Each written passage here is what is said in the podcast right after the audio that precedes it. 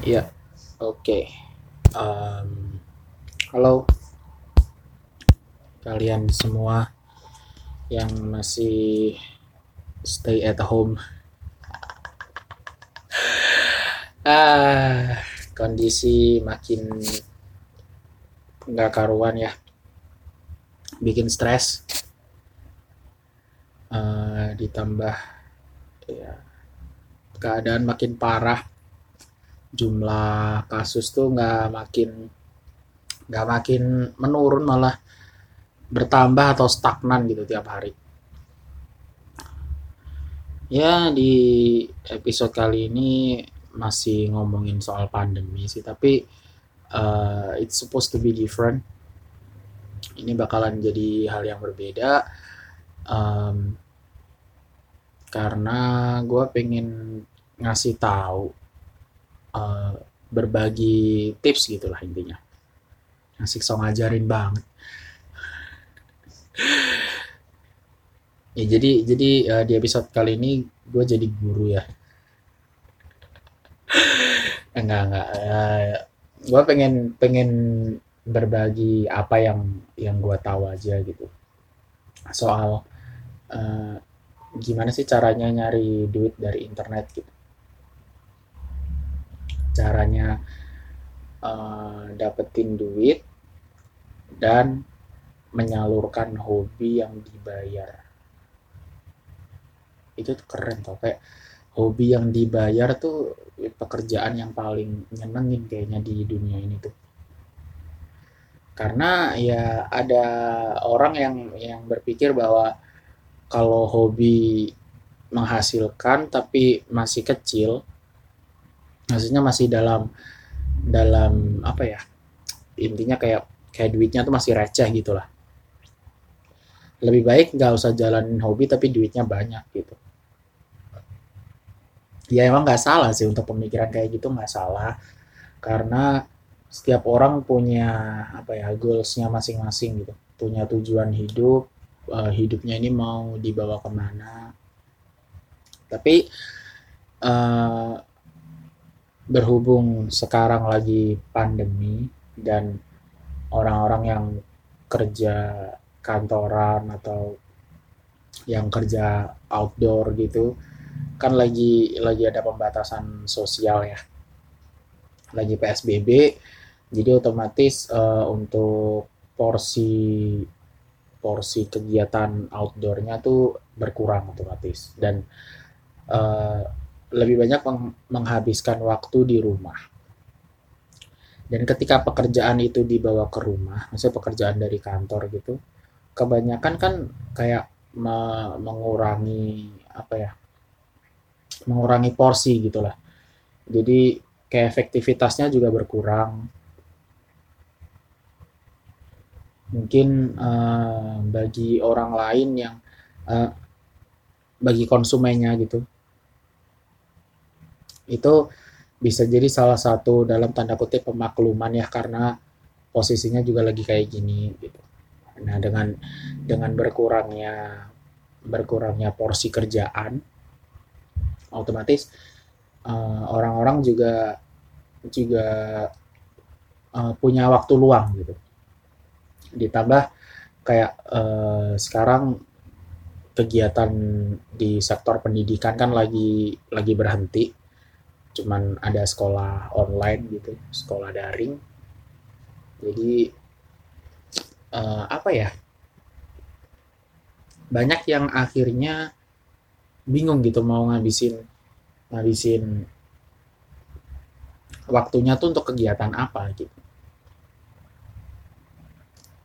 Ditambah dengan uh, yang yang yang udah pernah gue bahas ya.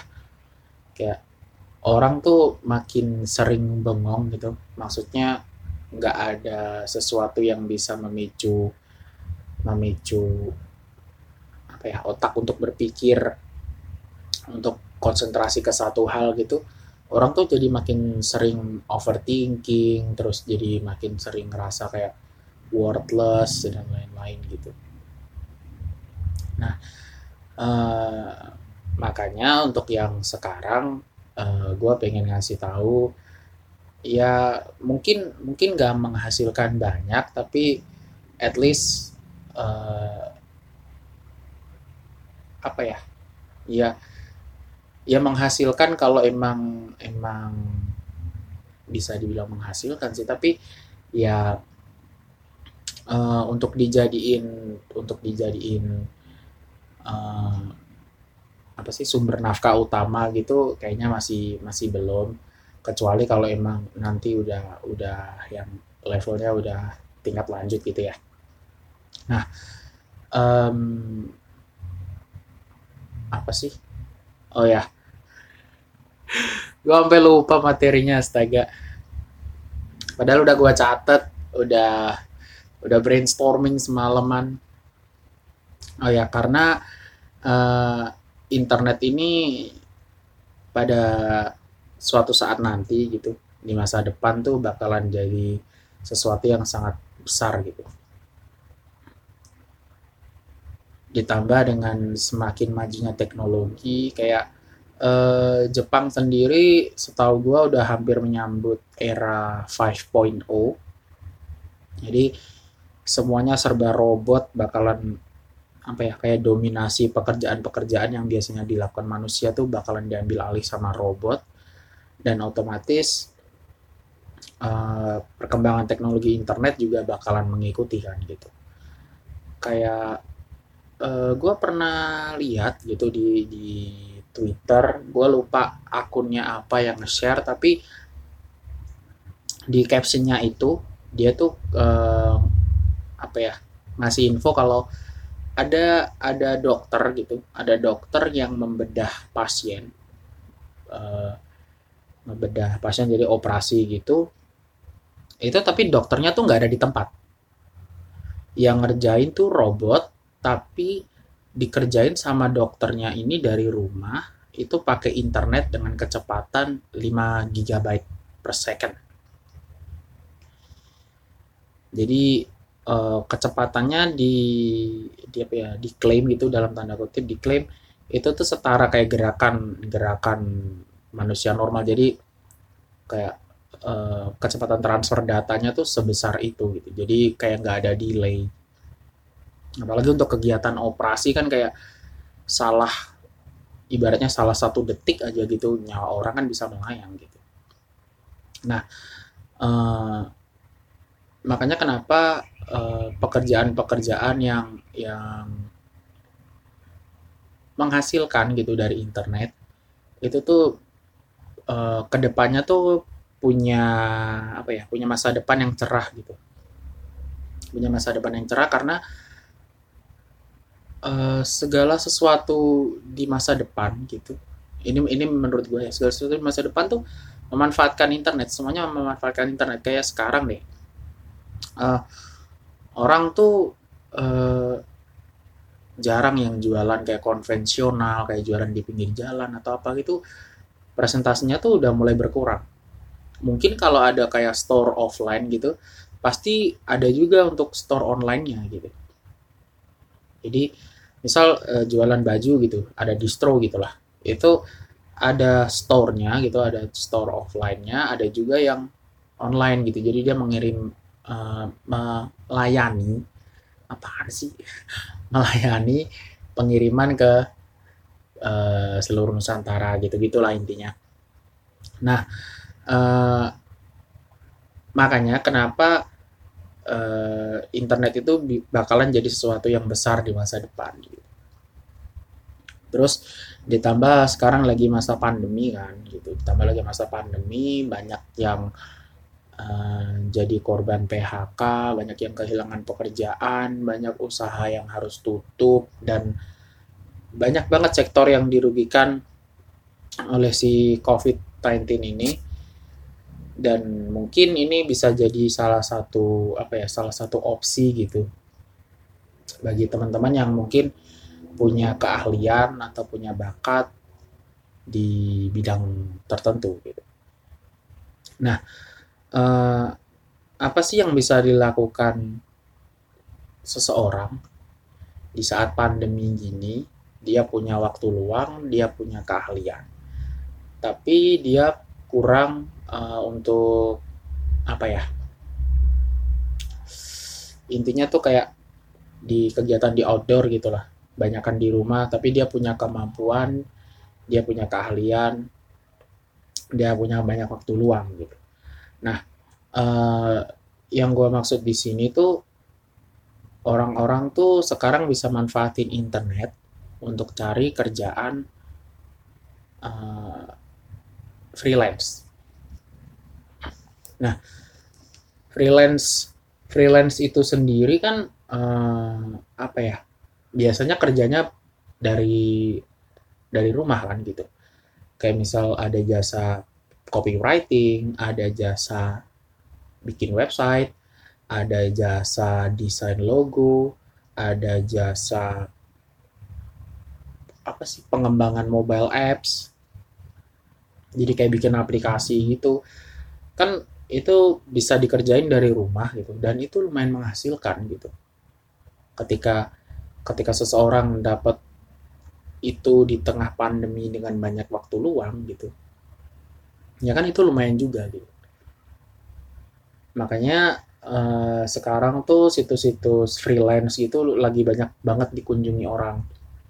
Kayak freelancer.co.id, terus seribu lancer, terus Fiverr, terus projects.co.id. Itu tuh sekarang lagi rame-ramenya dikunjungin uh, entah itu mahasiswa, entah itu anak sekolah mungkin, entah itu uh, pekerja kantoran yang lagi WFH ya banyak lah gitu. Orang tuh lagi apa ya lagi berlomba-lomba menghasilkan ditambah kan sekarang kayak uh, di masa pandemi gini kadang kebutuhan kan nggak terduga gitu. Lagi butuh masker atau hand sanitizer gitu-gitu jadi ada pengeluaran-pengeluaran yang yang biasanya tidak tidak kita keluarkan gitu. Selain freelance gitu, kalian yang mungkin punya bakat untuk nulis, entah itu nulis opini, entah itu nulis soal analisa sepak bola, entah itu nulis soal berita, entah itu soal puisi bahkan cerpen pen dan lain sebagainya tuh bisa berpotensi menghasilkan juga untuk yang sekarang. Kayak misal kalau kalian nih lagi lagi nganggur gitu ya, misal lagi nganggur buka-buka uh, Word atau buka-buka Notepad gitu terus iseng-iseng ngetik sebuah narasi entah itu entah itu opini, entah itu uh, puisi, cerpen dan lain sebagainya gitu. Kalian coba aja gitu kirim-kirim itu ke redaksi-redaksi yang mau menampung itu gitu. Kayak misal kalau kalian punya uh, tulisan tentang analisis sepak bola gitu, game. Misal pertandingan uh, Liverpool lawan Arsenal gitu yang kemarin. Kalian coba analisis gitu. Dan uh, ketika kalian tulis dan tulisan itu diterima kan lumayan juga tuh. Ada ada duitnya juga gitu. Coba kalian kirim ke situs-situs yang nerima uh, analisis kayak gitu. Kayak misal uh, mojok terus pandit football. Ya intinya kayak gitu gitulah terus uh, ketika kalian lagi pengen beropini gitu punya tulisan sebuah opini kayak misal pemerintah uh, mengeluarkan peraturan bahwa kayak yang kemarin uh, scuba masker scuba itu nggak direkomendasikan lagi untuk dipakai pada saat pandemi gitu ya kalau misal kalian punya opini soal itu dan kalian bisa nulis coba aja kirim kayak misal ke Kompasiana atau ke Geotimes atau ke Mojok juga bisa kayaknya. Jadi coba aja kirim-kirim kayak gitu kalau misal kalian punya puisi ya kayak kalian coba upload ke basabasi.co atau misal kalian lagi tertarik dengan K-pop gitu dunia industri hiburan showbiz kalian coba aja tulis artikel di IDN Times terus di UC News atau di baca berita babe itu. Bisa itu itu itu dimanfaatkan. Siapa tahu kalian artikelnya dimuat dan kalian bisa dapat penghasilan dari sana gitu ada ada artikel-artikel yang emang uh, kayak misal tim reviewernya nih sekali lolos nih misal uh, kalian kirim tulisan A nih. Kalau si A ini lolos kalian bisa langsung dapat kompensasi. Ada juga yang misal kalian kirim nih tulisan si A kemudian direview dan langsung dimuat. Nah tulisan kalian ini nanti uh, kan dipublish di website mereka tuh. Nah kalau itu rame berarti itu yang jadi penghasilan kalian. Kalau misal itu sepi ya berarti kalian nggak dapat apa-apa. Kayak misal IDN Times terus baca berita tuh kalau nggak salah kayak gitu juga deh. Itu berdasarkan apa ya kayak nyebutnya? Impression kali ya. Dari impressionnya gitu nah uh, kalau misal kalian uh, punya hobi yang lain gitu misal kayak fotografi lah katakanlah. Fotografi kalian bisa manfaatin situs microstock. Microstock ini sebuah situs yang memperjualbelikan foto dan nanti bakalan ada orang yang kalian kalian upload foto nih. Upload foto ke web itu di approve. Kemudian kalau misal ada orang lain yang mau pakai foto kalian ya mereka harus bayar. Tapi uh, hak ya katakanlah uh, hak gunanya tuh ada di orang itu gitu loh. Jadi kayak royalty free gitu loh. Jadi ada royalty ada juga yang free. Terus ada intinya apa ya? Intinya kayak bayar gitulah untuk untuk untuk penggunaan foto kalian gitu. Coba aja upload kayak di Shutterstock terus ada di Big Stock Foto itu tuh situs-situs yang memperjualbelikan karya-karya fotografi gitu. Gue kemarin malam nyoba. Gue kemarin malam nyoba buat upload di Shutterstock gue uh, iseng buat jadi daftar jadi kontributor gitu ya. Gue gue sendiri juga masih nggak percaya sih. Uh, eh, gue iseng foto upload foto dari Android. Gue kan pernah tuh ada ada foto kayak bunga di di halaman depan rumah gue terus ada kayak iseng motoin sawah gitu.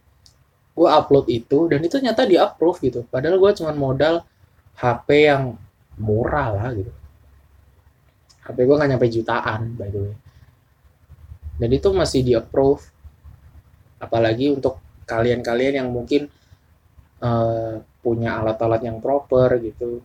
Di bidang fotografi kan pasti kayak punya kamera yang uh, eh, DSLR gitu-gitu terus tripod dan lain sebagainya. Ditambah kan sekarang untuk aktivitas fotografi agak sedikit terkendala karena fotografi kan identik dengan outdoor gitu atau mungkin kalian punya passion di bidangnya kayak food fotografi gitu.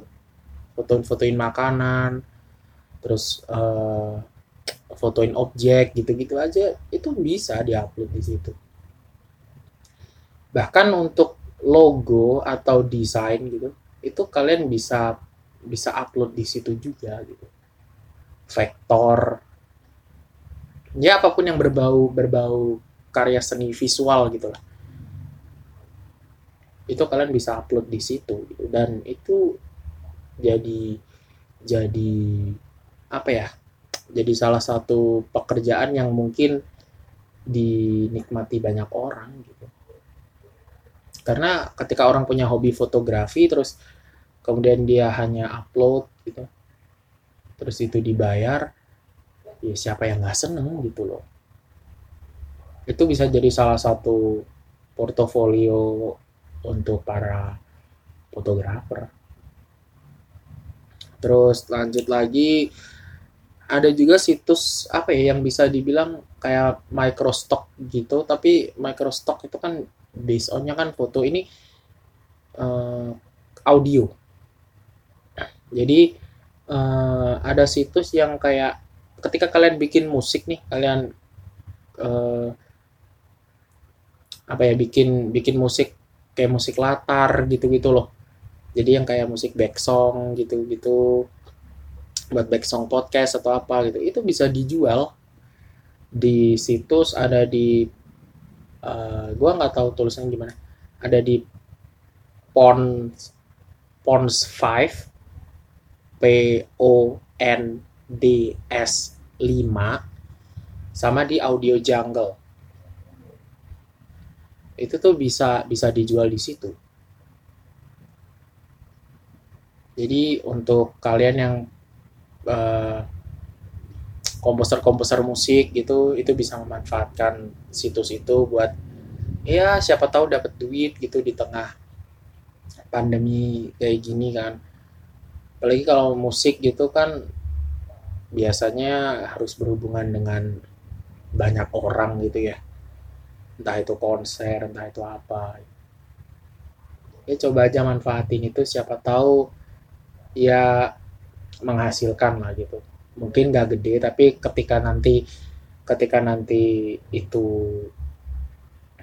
itu bisa apa ya intinya kayak kalian punya portofolio yang bagus gitu itu bisa jadi salah satu pekerjaan yang lumayan menjanjikan sih gitu.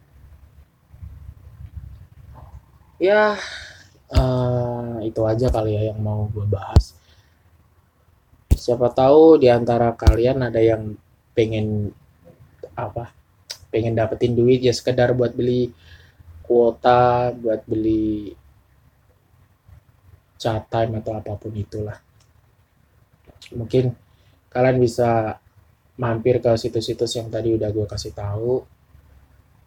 Dan buat kalian yang iseng pengen nyoba ya nggak masalah. Ketika ditolak pun nggak masalah. Maksud gue kan semuanya berproses gitu. Kan nggak ada yang langsung masuk terus langsung diterima terus gitu kan nggak ada. Ya namanya juga dari belajar gitu. So itu aja yang mau gue bahas. See you on the next episode. Bye